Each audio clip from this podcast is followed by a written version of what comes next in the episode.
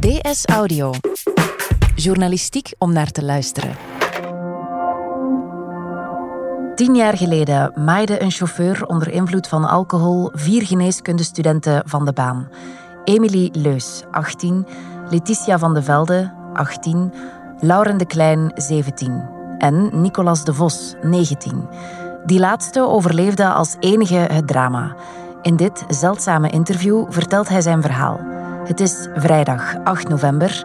Mijn naam is Nele Eekhout en van op de redactie van De Standaard is dit DS Audio.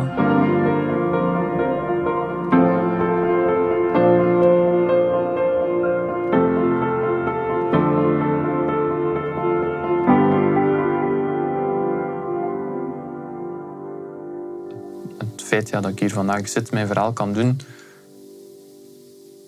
ergens voelt dat wel aan als gewonnen, gewonnen tijd. Ja.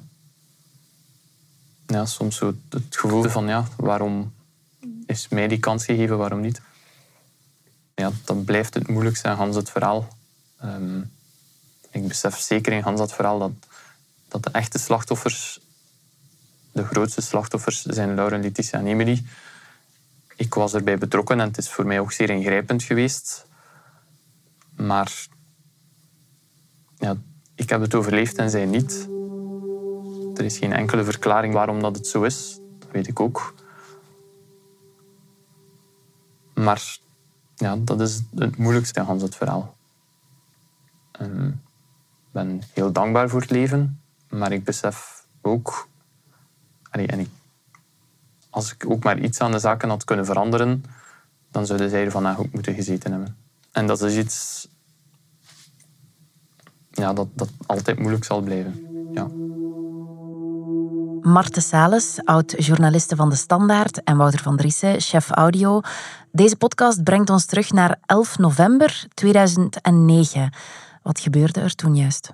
Wel, wat er toen gebeurde, dat begon eigenlijk al twee dagen eerder, op 9 november 2009. Dus morgen precies tien jaar geleden. En toen, die 9 november 2009, begonnen de studenten geneeskunde aan de Universiteit Gent aan een doopactiviteit. En onder die studenten die zich lieten dopen waren Letitia van de Velde, Lauren de Klein, Emilie Leus en Nicolas de Vos. Dat is de stem die je zo net hoorde.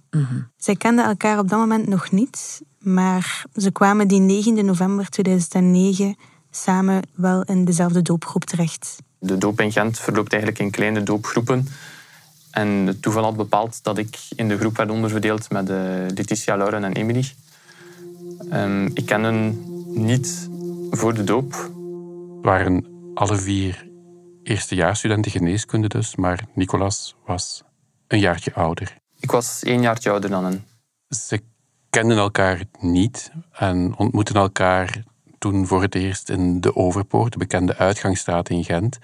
En ja, ze deden de dingen die studenten dan typisch doen bij zo'n doop. Dus ja, tijdens zo'n studentendoop wordt je natuurlijk wel een beetje geleefd. Ja, als schacht moet je de opdrachten uitvoeren van, van de doopmeesters. Maar, vertelt Nicolas de Vos, het ging er heel gemoedelijk aan toe. De doop was oké, verantwoord, geen barbaarse of foute toestanden. We hadden het geluk van, van eigenlijk bij een heel aangename groep doopmeesters uh, te zijn. En de doop die speelde zich af op verschillende locaties in Gent. In de, in de Overpoort, um, ik weet niet meer hoe dat het, studentenlokaal uh, daar toen noemde, van een gemeenschappelijke activiteit in het Citadelpark.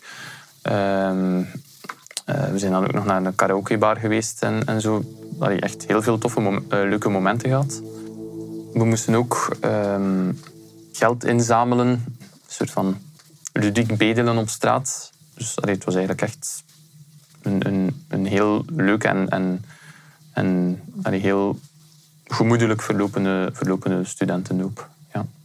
Dus zo zeker niet de horrorverhalen dat je soms uh, hoort. Allee, daar was absoluut geen sprake van. Het is een heel gemoedelijke, gezellige doop. Uh, daar en dan leren Nicolas de Vos, Letitia van de Velde, Lauren de Klein en Emily Leus elkaar op korte tijd wel grondig kennen. Ja, inderdaad, op uh, heel korte tijd. Ze zullen elkaar ook maar 36 uur kennen uiteindelijk. Maar, zegt Nicolas de Vos, um, op die korte tijd leken ze echt in snel tempo vrienden te worden. En eigenlijk al vriendschapsbanden voor, voor het leven aan te halen. Het was natuurlijk allemaal nog heel, heel pril, maar zo'n opdrachten samen doen, ja, dat creëert dan toch al snel een band. En dat is natuurlijk ook een van de bedoelingen van, van zo'n doopritueel. En in de loop van de doop krijgen ze met hun vieren de opdracht om de fiets te nemen. En dat doen ze dan ook op 11 november. En dat is een woensdag in 2009. We hadden de opdracht gekregen om, om van Gent naar Gerasbergen te fietsen en daar een foto met wat mattetaarten te nemen op de muur. Wat eigenlijk een heel leuke opdracht was. Gerardsbergen is ja, de stad van de mattetaarten en van de bekende muur van Gerardsbergen natuurlijk. En, zegt Nicolas de Vos, zelfs na drie dagen doop zien ze dat eigenlijk echt volledig zitten. Ze vertrekken ook s ochtends vroeg al. En we hadden ook zoiets van... We zitten de hele dag op ons gemak. We gaan heel rustig fietsen. We nemen onze tijd om af en toe te stoppen eh, voor iets te drinken en te eten. Ja, er is dus weinig stress. Ja, hij kent de weg ook, want het huis van zijn ouders ligt ergens halverwege. En heeft die weg van en naar Gent die zomer, dus voor het begin van het academiejaar, heeft die weg al meermaals gefietst om eigenlijk om de beste en de meest veilige route te zoeken. En die hele tocht, ja, hij kent die dus, maar hij is ook bovendien nog eens heel goed voorbereid, zegt hij, door de studenten die de doop hadden uh, georganiseerd. We zijn dan ook op pad gestuurd met een duidelijke routebeschrijving. Er zat dan ons ook verlichting voor op de fiets, fluo-hesjes. Eigenlijk heel, zeker voor die tijd, karikaturaal correct dat we waren op de fiets. We hadden ook niets gedronken en zo. En ja, dan gebeurt er zoiets. Het was op, op een, het meest onverwachte moment mogelijk. Dan gebeurt er zoiets. Wat is dat? Ja, dan gebeurt het ondenkbare. Rond half zeven ochtends in de Vijverstraat in Oosterzeel, op een kleine 20 kilometer van Gent, slaat het noodlot toe.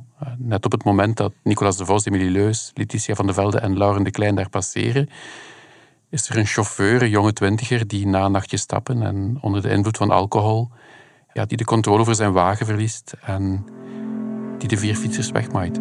Het laatste wat ik mij voor het ongeval herinner is een, een soort van schuivend geluid, maar zo snel dat je de reflex hebt om je hoofd om te draaien, dat al gedaan is. Dus ik heb nooit beseft dat er een wagen ons langs achteren heeft aangereden. Nicolas de Vos beseft niet wat er gebeurt, maar de gevolgen zijn niet te overzien. Dus een van de studenten, Letitia van de Velde, die ter plekke overlijdt. Lauren de Klein wordt nog naar het ziekenhuis gebracht, maar overlijdt daar dan een paar uur later. En Emilie Leus vecht nog twee dagen voor haar leven, maar sterft uiteindelijk ook aan haar verwondingen op 13 november. En dus alleen Nicolas de Vos overleeft het ongeluk. Ik heb ook wel een, een klap geïncasseerd en ben op mijn hoofd gevallen en daardoor ja, een hersenschudding had, eh, waardoor dat er een groot deel... Ik herinner mij van ter plaatse eigenlijk geen visuele beelden. Ik herinner mij heel vaak dat ik in de ziekenwagen ben weggevoerd, maar daar ter plaatse herinner ik er niet veel van. Maar in het ziekenhuis dringt al snel tot hem door hoe gigantisch het trauma eigenlijk is. Um, en hij voelt ook dat er echt iets enorm ergs gebeurd is. Ook al heb ik niets visueel gezien, ik voelde wel dat er iets enorm, enorm ja, het ergst mogelijke was gebeurd. Hij merkte dat zij aan de reacties rondom hem in het ziekenhuis. En hij vertelde ook dat hij voelde alsof hij afgeschermd werd van iets. Dat ik ja, ergens afgeschermd werd ook van de zaken die, die daar ter plaatse gebeurden. Dus ik kan me niet herinneren dat er iemand dat expliciet tegen mij op dat moment heeft benoemd, maar ik weet wel dat ik besefte van hier is iets zeer, zeer iets vreselijk gebeurd. Uiteindelijk zijn ze dan wel allee, concreet tot bij mij gekomen en benoemd wat dat er gebeurd is. En hoe was Nicolas de Vos er zelf aan toe? Hij was er al bij al met vrij lichte verwondingen van afgekomen. Dat was schaafwonden en een paar breuken. Ik had um, een rib gebroken, een vinger gebroken, maar gezien de, de omstandigheden op dat moment nee, was ik ook al nuchter genoeg om, om te beseffen dat dat niets voorstelde. We zijn deze week tien jaar verder. En de voorbije tien jaar heeft Nicolas de Vos amper in publiek gesproken over wat er toen gebeurde. Waarom doet hij dat nu wel? Hoe is dat gegaan?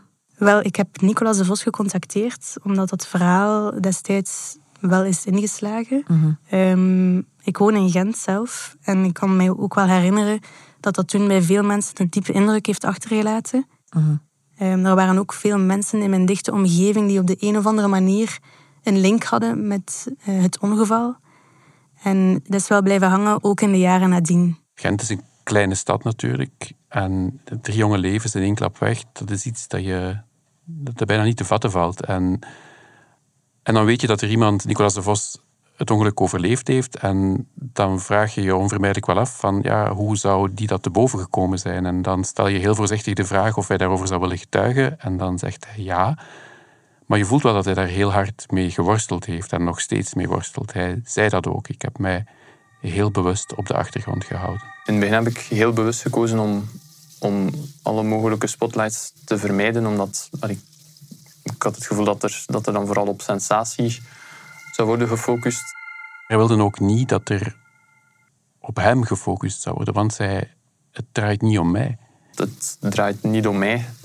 Het is alleen in de eerste plaats het, allee, het ergst mogelijke drama wat dat er gebeurd is voor de meisjes en, en voor hun familie. Hij worstelt er ook mee dat hij of dat zijn verdriet aandacht zouden krijgen en dat dat dan op de een of andere manier kwetsend zou zijn voor de nabestaanden van de andere slachtoffers. Ik wou een zeker niet het gevoel geven dat ik allee, ging, ging lopen met een verdriet, bij wijze van spreken. Ehm, zeker ook en het feit dat ik het als enige overleefd heb, blijft voor mij eigenlijk het, het moeilijkste aspect in Hans het verhaal. Maar uh, aan de andere kant wil hij ook als overlever aandacht blijven vragen voor verkeersveiligheid. Mhm. En daarom wil hij nu, vandaag tien jaar later, wel zijn verhaal vertellen. Ook omdat hij voelt dat hij er intussen wel klaar voor is. Um, voor zover je natuurlijk klaar kan zijn voor zoiets. Intussen heeft hij ook zijn studies afgewerkt. Um, en hij is nu aan het specialiseren als radioloog. Maar zijn hele studententijd is uiteraard getekend door dat trauma. En dat geldt ook voor veel van zijn medestudenten. Dat was echt een collectief trauma op dat moment. Ja, want hoe ga je na zoiets verder hè, als er zoiets in het eerste jaar van je studies gebeurt? Ja, dat vraag je dan inderdaad af. Hoe doe je dat? Hoe neem je de draad weer op? Hoe ga je verder? Hoe geef je zo'n gigantische tragedie, hoe geef je dat een plaats? En daar voel je dus dat Nicolas de Vos daar tot op de dag van vandaag mee worstelt. Om daarover te vertellen, om daarmee verder te leven ook. Met het idee dat er drie mensen omgekomen zijn. En dat hij al na een paar dagen ziekenhuis weer naar huis kon. Ja, ik ben daar allee, heel goed opgevangen geweest door mijn ouders, uh, mijn broer. Maar het bleef natuurlijk heel bevreemdend, want ik wist op dat moment ook... Allee, het voelde echt wel aan alsof dat er een volledige reset was gebeurd in mijn leven en dat, dat de, ja, de tijdstelling weer volledig naar nul terugging en dat elke dag dat erbij kwam anders ging zijn dan, dan de dagen die daarvoor waren geweest. Ehm, de weken nadien waren ook enorm bevreemdend, want het was eigenlijk van begrafenis naar begrafenis ik vond het wel heel belangrijk dat ik naar elke begrafenis ook persoonlijk ging. Maar dat maakte wel dat dat ja, de meest bevreemdende periode in mijn leven is geweest. En toch in die periode die zo bevreemdend was, ja, neemt hij de beslissing van ik ga door met mijn studies, ik neem deel aan de examens. Het was voor mij belangrijk om, om aan mezelf te bewijzen dat ik ergens nog dezelfde persoon was als daarvoor. Ik was uiteraard niet meer dezelfde persoon, maar dat ik naar motivatie en, uh, ja, mijn studies, dat die daar niet onder lijden. Het is niemand die mij daartoe verplicht heeft en niemand die mij gezegd heeft van je kunt zien dat je examens meedoet. Um, absoluut niet, maar het voelde voor mij op dat moment goed aan. Ergens voelde hij blijkbaar ook, dit is hoe ik ermee moet omgaan. Door gewoon verder te doen. Ook al was de shock enorm groot, zegt hij. Want op je negentiende hoor je onsterfelijk te zijn. Uh, en hoor je daar ook niet bij stil te staan dat er op elk moment zoiets afschuwelijks kan gebeuren. Voor mij persoonlijk is het een enorme shock geweest. Op je 19 jaar hou je er geen rekening mee dat zo zaken gebeuren. En is dat iets dat heel brusk je leven binnenkomt. En, en echt ja, je gedachtegang de eerstkomende maanden, jaren echt domineert. Maar ja, ik heb het van, van dag tot dag bekeken.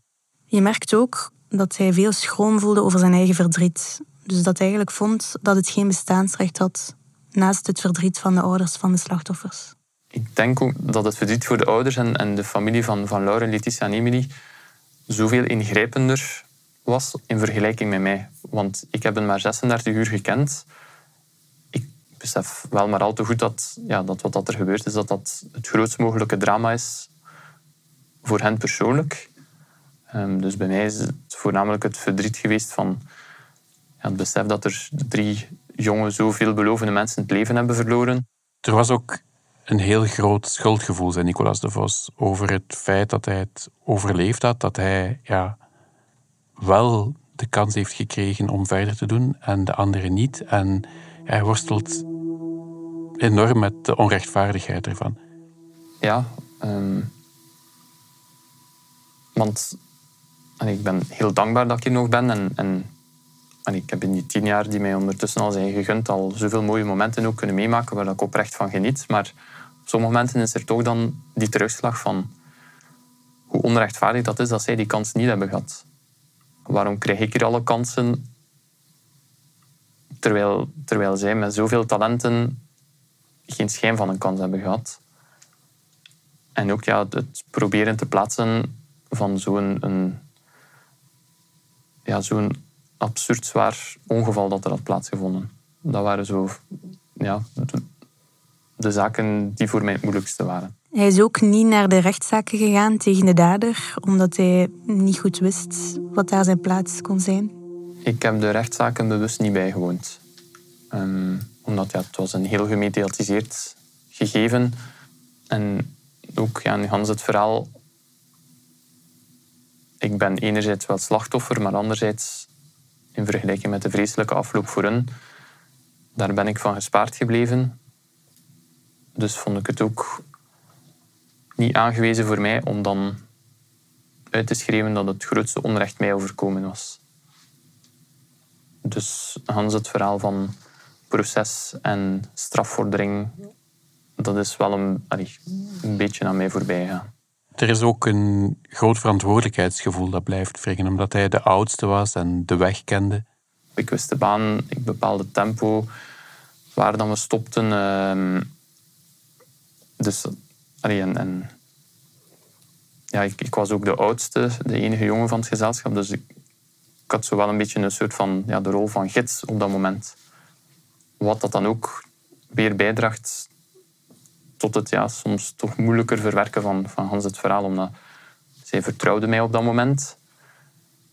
En ook al weet ik rationeel dat het op geen enkel moment in, in mijn verantwoordelijkheid gelegen heeft wat dat er gebeurd is, is dat toch iets, ja, heel moeilijk om, om, om mee om te gaan.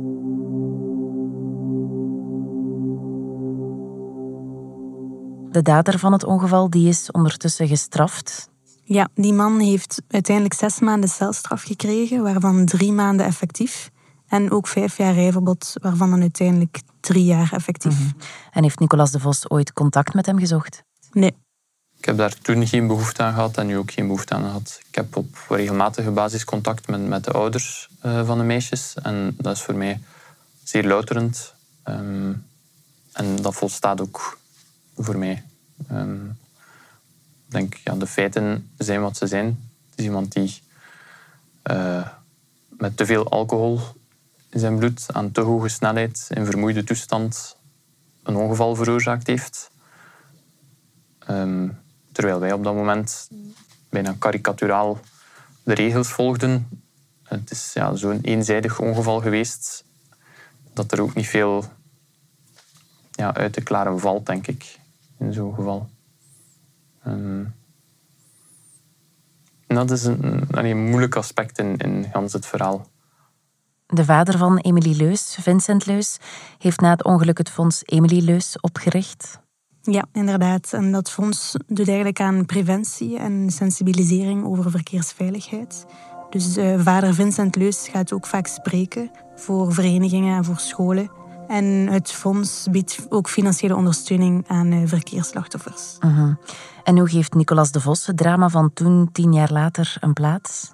Maar dat varieert heel erg, zegt hij. Het varieert heel erg van, van periode tot periode en van week tot week. Uh, de periode dat ik er meest bewust mee bezig ben, is zo ja, het najaar zeker het ongeval is 11 november gebeurd, de weken daarvoor.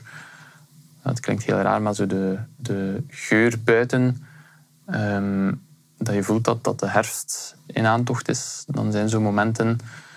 Ehm, we verzamelen ook nog elk jaar aan de plaats van het ongeval uh, met de ouders ehm, om, om ja, de meisjes te herdenken. En en die tien jaar ben ik er altijd al bij geweest en ik ben allee, vastberaden om dat ook zo te houden. Voor mij persoonlijk is dat heel belangrijk als, als ritueel om die 11 november steeds opnieuw aanwezig te zijn.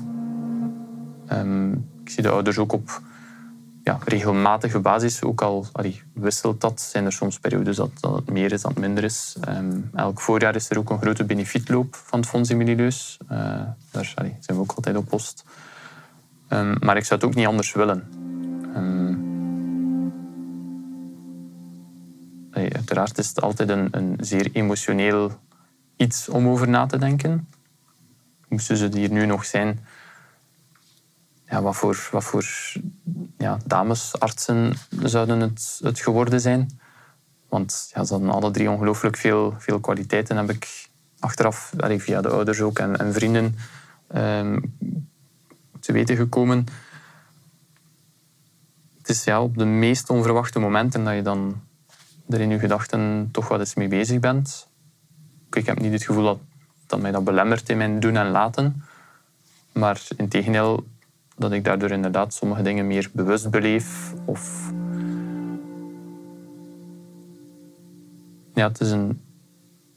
Het, ehm, besef dat ik hem ook niet vergeet. In tegendeel, zelf nog heel actief herinner. Dat geeft ja, een zekere gemoedsrust. Hij vertelde ook dat hij af en toe voorbij het monument fietst op de plek van het ongeluk. Sinds kort woon ik in Erpenmeer en als het goed is ga ik één keer per week met de fiets van en naar het werk. En de plaats van het ongeval ligt eigenlijk toevallig langs de meest fietsvriendelijke route. En dan passeer ik er wel.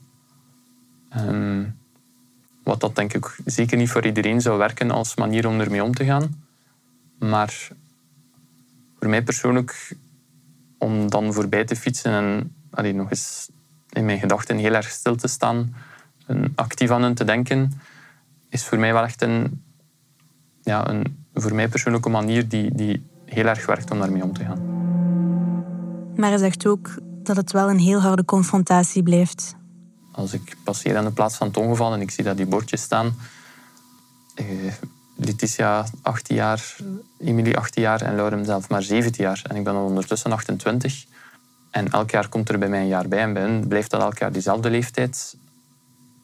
Dan blijft dat gewoon wel zeer confronterend. Die confrontatie is er natuurlijk ook onvermijdelijk in zijn werk als radioloog.